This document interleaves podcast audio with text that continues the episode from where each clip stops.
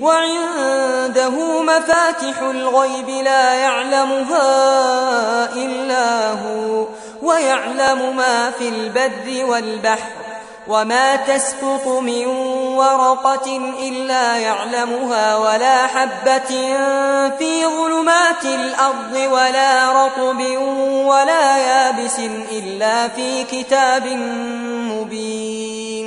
وهو الذي يتوفاكم بالليل ويعلم ما جرحتم بالنهار ثم يبعثكم فيه ليقضى أجل مسمى ثم إليه مرجعكم ثم ينبئكم بما كنتم تعملون وهو القاهر فوق عباده ويرسل عليكم حفظه حتى إذا جاء أحدكم الموت توفته رسلنا وهم لا يفرقون ثم ردوا إلى الله مولاهم الحق.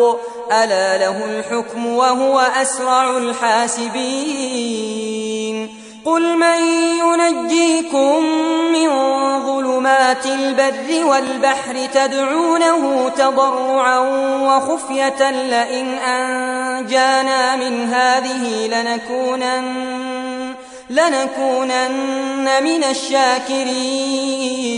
قل الله ينجيكم منها ومن كل كرب ثم أنتم تشركون. قل هو القادر على أن يبعث عليكم عذابا من فوقكم أو من تحت أرجلكم أو يلبسكم شيعا ويذيق بعضكم بأس بعض.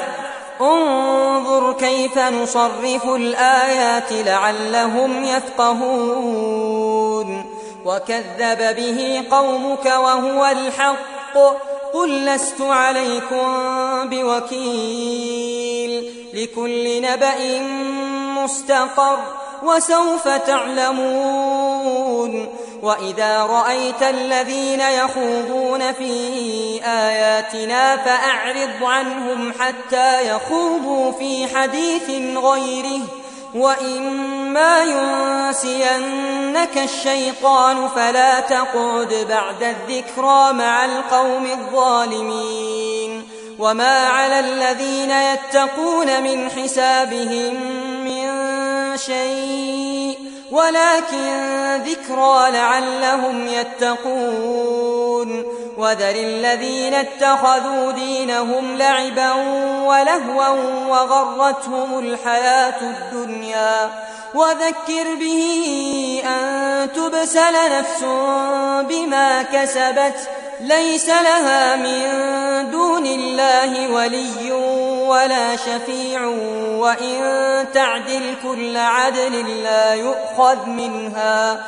أولئك الذين أبسلوا بما كسبوا لهم شراب من حميم وعذاب أليم بما كانوا يكفرون قل أندعو من دون الله ما لا ينفعنا ولا يضرنا ونرد على أعقابنا بعد إذ هدانا الله كالذي استهوته الشياطين في الأرض حيران له أصحاب يدعونه إلى الهدى ائتنا.